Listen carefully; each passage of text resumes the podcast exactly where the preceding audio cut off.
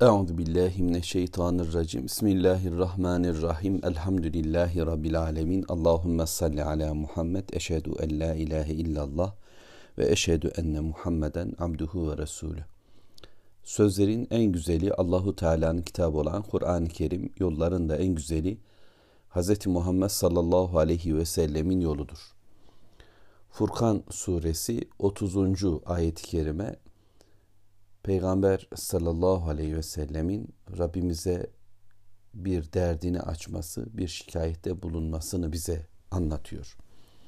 Bundan önceki ayeti kerimelerde Allahu Teala kıyamet gününde mahşerde kafirlerin, zalimlerin kendi aralarındaki konuşmalarını bize anlattı. Önce kıyametin oluş anını resmetti. O gün mülkün sadece Allah'ın elinde olduğunu bize Rabbimiz beyan etti ve bugünün kafirler için çok zorlu geçeceğini söyledi.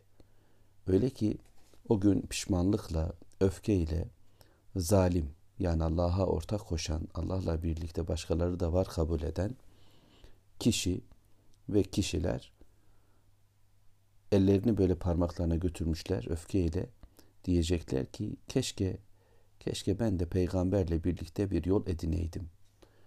Onu yoldaş edineydim. Önüm sıra yürüyordu. Sokaklarımda geziyordu. Sözünü, sesini duyuyordum. Onunla olaydım. Keşke ah ben falanı filanı başkalarını kendime dost edindim. Onlarla birlikte oldum. Şeytanla yatıp kalktım. Onun beğendiklerini beğendim. Onun tercih ettiğini tercih ettim. Onun yolunu yola belledim de Allah'ın bana gönderdiği bugünü hatırlatan peygamberi dışladım. Böylece bu dostlar, bu şeytanlar bana gelen zikri, bana gelen bu öğüdü, bu hatırlatmayı, bu peygamberi, bu peygamberin çağrısını unutturdu. İşte böyledir demiştir Rabbimiz. Şeytan insan için bir aldatmadan başka bir şey değil. Şeytan aldatıcılıkla ünlüdür. Ancak insanı yardımsız olarak yolda bırakıverir. İşi gücü böyledir. Vaat eder, vaatlerle yola çıkarır, son ortada bırakır. Şeytan böyledir şeytanlaşmış olan tüm insanlar böyledir ki Allahu Teala Kur'an'da münafıkları da bu özellikleriyle bu özellikleriyle şeytana benzetiyor. Yahudilere destek olur size. Siz Muhammed'le olan kavganıza sıkı durun. Biz sizin yardımcınızız diyorlardı. Ama savaş zamanı geldiğinde ise onlar ortalıkta görünmüyordu. İşte şeytan insanı günaha doğru koşturur günahın yanına gelip onu işlettiğinde ise o orada yoktur. Ve şeytanlaşmış tüm dostlar da böyledir. Bu sahneyi Rabbimiz bize kıyamet gününden aktardı, anlattı. Şimdi ise Peygamber aleyhissalatu vesselamın bir konuşmasını bize Rabbimiz aktaracak. Bu kıyamet gününde mi olacak? Bunu bilmiyorum. Belki orada. Ama sanki ayet-i kerimelerin akışından burada Peygamber aleyhissalatü vesselam davetine, tebliğine devam ettiği sırada bu cümleleri söyledi. Bütün peygamber aleyhisselamlar bu tür şikayetlerini Rabbe arz ettiler. Dertlerini onunla paylaştılar. Ona dua ettiler. Çünkü bizi duyan, derdimizi bilen, yolu yordamı bize öğretecek olan tek Rabbimizdir ve dertler ona açılır. Hatırlayın Yakup peygamber Öyle diyordu. İnnemâ eşku bethi ve huzni ilallah. Ben derdimi, hüznümü, şikayetimi ancak Allah'a aktarıyorum diyor ve oğullarına, gelinlerine, torunlarına, etrafındakilere yani ben size anlatmıyorum bunları. Bu derdimi sizinle paylaşmıyorum. Ben Mevla'ya söylüyorum diyor ve ona şikayetleniyordu. Ama Allahu Teala şimdi Peygamber sallallahu aleyhi ve sellem bu sözünü bize duyuruyor yani şikayetin konusunu da bize duyuruyor.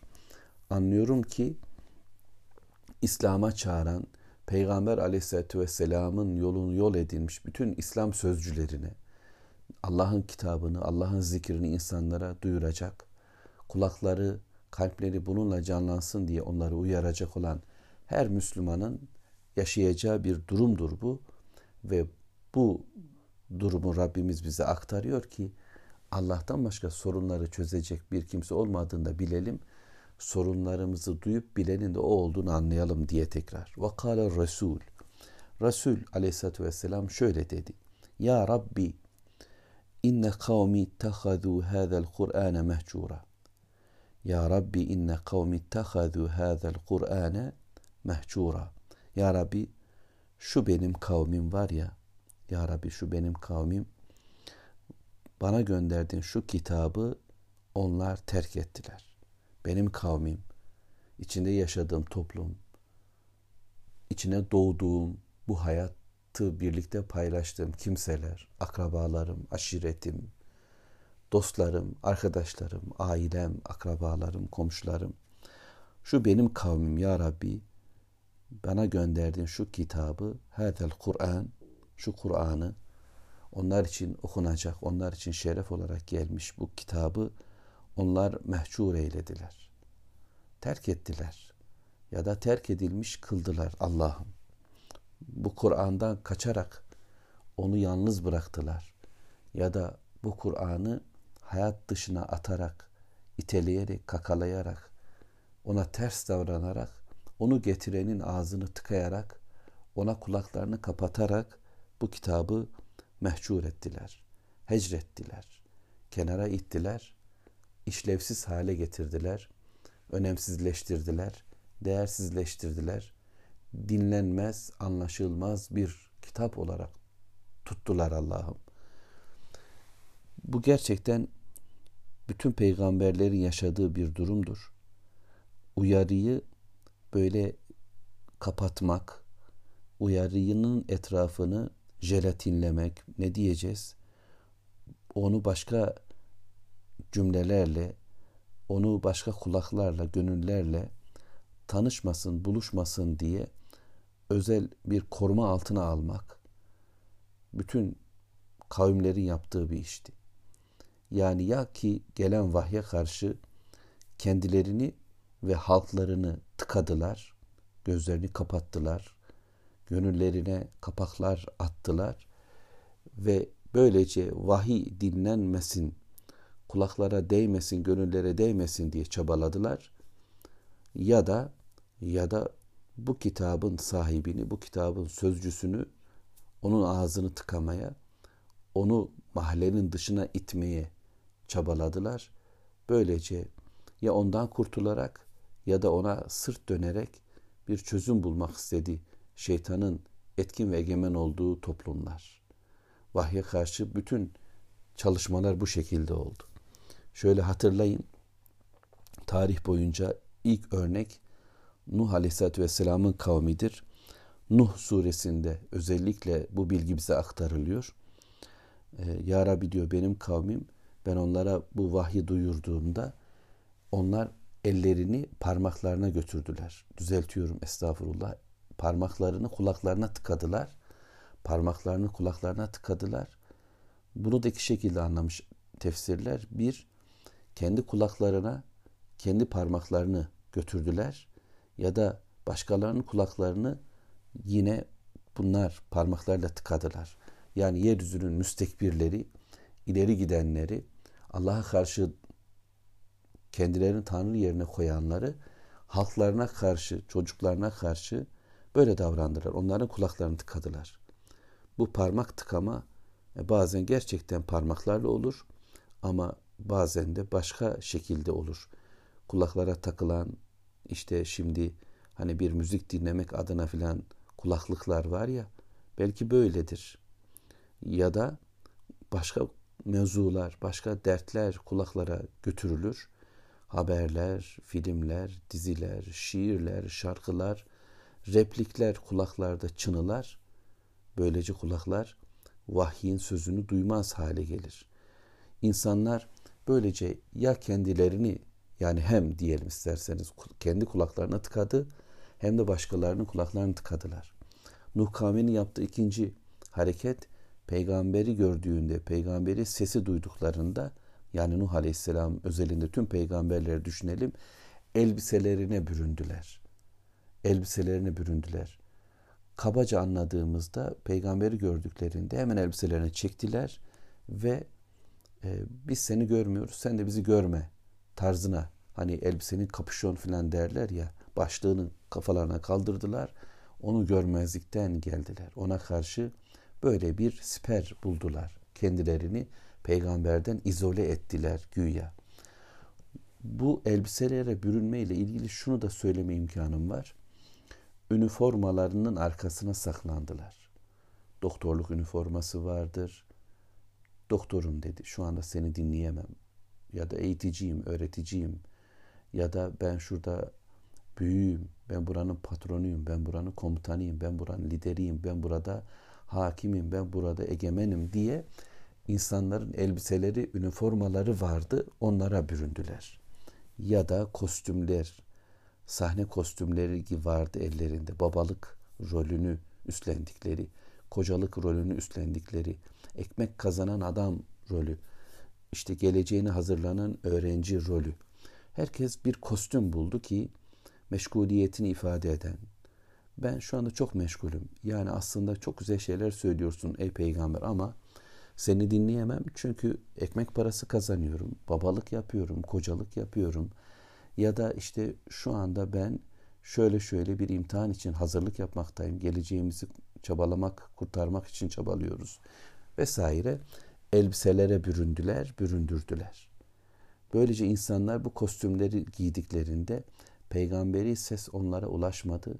Araya bir duvar, bir ses geçirmez koydular, yalıtım oluşturdular. Ya da dört, üçüncü Nuh kavminin peygambere karşı yaptığı üçüncü bir aşama kibirlendiler, büyüklendiler, küçük gördüler. Peygamberi ve peygambere iman edenleri, onların söz ve söylemlerini hor gördüler, kendilerini ise büyüttüler. Öyle büyüttüler ki bu tekebbür Allah'la yarışmaya doğru onları götürdü. Allah bazı konularda konuşursa biz de konuşuruz. Onun konuştuklarına dinleme ihtiyacımız yok dediler. Ve bu onları dördüncü bir aşamaya iletti.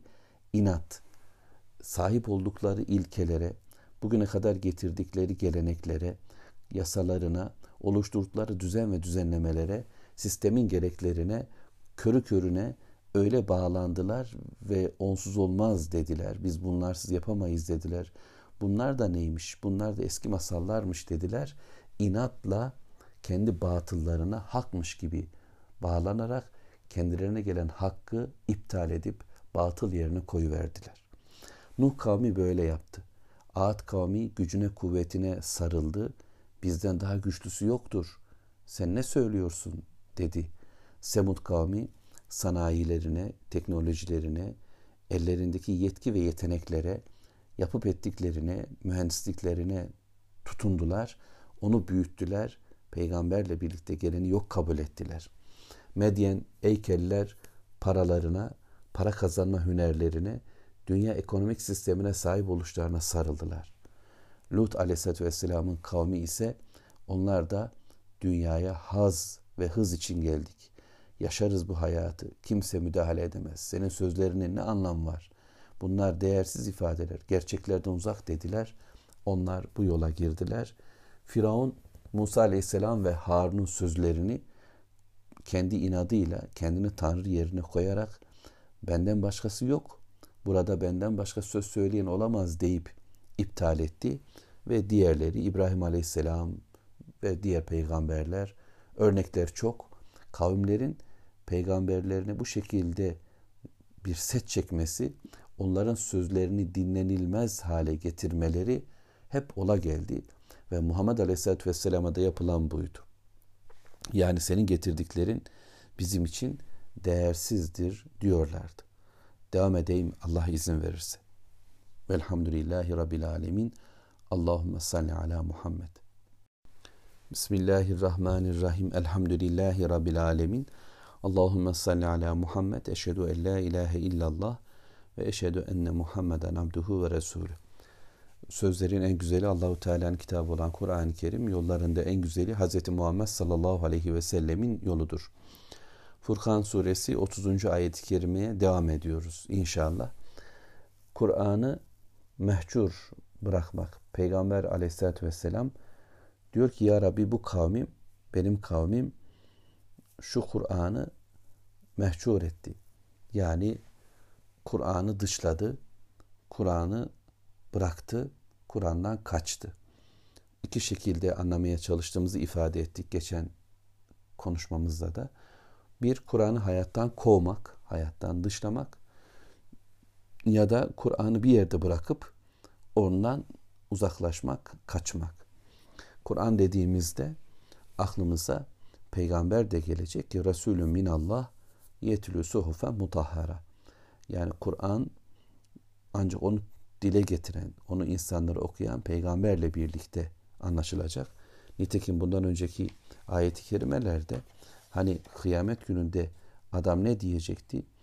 Ya Rabbi işte keşke ben e, peygamberle giden bir yol edineydim de falanı filan dost edinmeyeydim. Beni bana zikir geldikten sonra bu zikirden uzaklaştırdı bu dostlar demişti. Dolayısıyla yani peygamber insanları zikre çağırıyor. Allah'ı gündem yapmaya çağırıyor. Peygamber Aleyhisselatü Vesselam'ın da Ya Rabbi bu Kur'an'ı kavmim terk etti, terk edilmiş kıldı. Buna e, yani dışladı dediğinde yani zikri, övdü, nasihatı, Allah'ın gündemini, Allah adına bir hayat yaşanmasını kabul etmediler. Buna yanaşmadılar. Bununla ilgili öğütleri, gündemi ise hiç hayatlarında tutmadılar. Gündem etmediler ya Rabbi diye anlamamız gerekecek öyle olunca. Dolayısıyla Kur'an'ı mehcur bırakmakla ilgili söyleyeceğimiz en önemli ifade onu gündem dışı yaptılar. Onu gündeme bile almadılar. Kendi gündemleri vardı. İşte ekonomik gündemler, siyasi gündemler e, ya da sağlık sektörüyle ilgili gündemler. Dünyanın, kapitalist dünyanın gün gün, an an oluşturduğu gündemler var. Her günle alakalı birilerinin bir günüdür. Bugünkü dünya kapitalizmi böyle işliyor. İşte boşta gezenler günü, kaldırımda duranlar günü, işte kenarda pinekleyenler günü, evde pencereden bakanlar günü diyeyim ben. Siz anlayın gerisini. Ama neticede böyle gündemleri var. Her gün birileri bir şeyler kutlamakta ve her gün haberlerle birlikte olaylar bize aktarılır. Önemli olanlar önemsizleştirilerek ama önemsizler belki daha önemli tutularak, korkular üretilerek, coşkular sağlanarak, kışkırtarak, kışkırtılarak insanlar haberler oluşturulur. Ya da diziler, filmler, gündemler. Bu bu çağda böyle, evvelki çağlarda da başka şekildeydi ama neticede bütün dünya yetkisine sahip olanlar, kendini bu dünyada melik kabul edip ölümsüzlük varmışçasına bir hayata tutunanlar toplumlar üzerinde böylesi bir gündem oluşturacaklar. Allahu Teala da peygamberler göndererek hayır sizin yolunuz yordamınız, sizin kurtuluşunuz ancak Allah'ı ve Allah'ın istediği gündemi okumanız, onunla gündemlenmenizdir diye peygamber göndermiştir. Bunlara karşı da bütün peygamberlere karşı kavimleri aynı metotla karşı çıkışlarda bulundular. İsimler değişti, tavırlar, tarzlarda farklılık var gibi oldu. Pek aslında değişen olmadı. Mesela Nadir bin Haris diye bir kafirden bahsediliyor Mekke yıllarında. Muhammed Aleyhisselatü Vesselam'ın sözü dinlenilmesin diye işte cariyeler tutmuş. Peygamber Aleyhisselatü Vesselam bir toplumun yanında onlara vahyi Allah kitabın gündemini söyleyecek olduğunda hemen dans sözlerine diyor çıkın sahneye hemen. Onlar dönmeye başlıyorlar şarkılar ve insanlar hemen ona dönüyorlar. Arzuları ve şehvetleri o yöne, yönelik. Ardından adam sahneye çıkıyor ve diyor ki ben de size bir masal anlatayım. Eğer siz masal dinlemeyi seviyorsanız Muhammed'in masallarından daha güzeli var bende. Gelin beni dinleyin diyor ve böylece bu masallarla onları güldürüyor ya da düşündürüyor güya, ağlatıyor ya da şiirlerle filan. Ama neticede başka bir duygusal noktaya getirerek Muhammed Aleyhisselatü Vesselam'ın söylediği o uyarı, bak Allah biricik ve Allahu Teala beni gönderdi size sesleniyor ve Allahu Teala size hesaba çekecek. Ölüm var, ölümden sonrası var diye bu derin hakikatli uyarı üstü kapatılarak yok ediliyor. Kenara konuyor. Nadir bin Haris yöntemi böyle. Ama Ebu Cehil yöntemi belki biraz daha farklı. O da eziyor, dövüyor, sövüyor, aşağılıyor, iteliyor, işkence ediyor. E, elinin altındaki adamları bu noktada kullanıyor. Silahlarıyla, işkence metotlarıyla, zorbalıkla o da bunu yapmaya çalışıyor. Neticede e, birisi bir tarzla, diğeri bir tarzla Mekke liderlerin her birisi farklı bir yöntemle Muhammed Aleyhisselatü Vesselam'ın yani aslında tüm peygamberleri kastediyoruz dinlenilmesini e, engelliyorlar. Böylece vahiy hiç gündeme gelmesin için çabalıyor.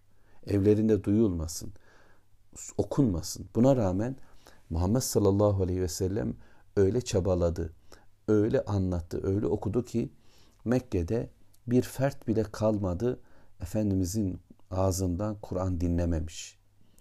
Ve düşmanlar bile Allahu Teala'dan gelen mesajın her bir bölümünü neredeyse duyacak haldeydiler. Bütün sahabe-i kiram iman edenler bir peygambermişçesine buldukları dost ve arkadaşlarına ve her yerde öğrendikleri ayetleri mutlaka duyurdular. Allah'ın kelamını bir toplum dışlamaya çalışırken gündemini Kur'an yapan her bir Müslüman ise kitabı, ayetleri ağzına diline koydu. Gönle inmiş olan bu kitabı gündeme taşıyacak şekilde okudular ha okudular. Savaş bu. Mekke'de böyleydi. Ta Nuh kavminde de böyleydi. Nuh Aleyhisselam'ın ağzını kapatmaya çalışan, İbrahim peygamberi ateşe atarak susturmaya çalışan zihniyetler hep aynıydı ve dediler ki gündem olmayacak. İşte ya Rabbi bu kavmin bir kitabı, Kur'an'ın ayetlerini gündem dışı yaptı. Gündemine almadı. Nice şeyler konuştular ama bunu konuşmadılar. Risaleti, Allah'tan gelen mesajı, uyarıyı değerlendirmediler. Ahireti yok saydılar. Müslümanları ve kitabı yalnızlaştırmak istediler. Yani elçinin ağzını kapatarak, kendi kulaklarını, dinleyenlerin kulaklarını kapatarak bunu yapmak istediler. Ya Rabbi bu kitabı dediler ki olursa eğer git Kabe'nin yanında oku belki. Hadi bu da başka bir tavır. Ama ekonomik hayatımızla ilgili okuma. Siyasi hayatımıza okuma. Sosyal hayatımıza okuma. Bunlara karışmasın bu kitap dediler. Böylece zaten onların tanrı anlayışı seküler bir tanrı anlayışıydı. Yani Allah var mı varsa bile hayata karışmaz.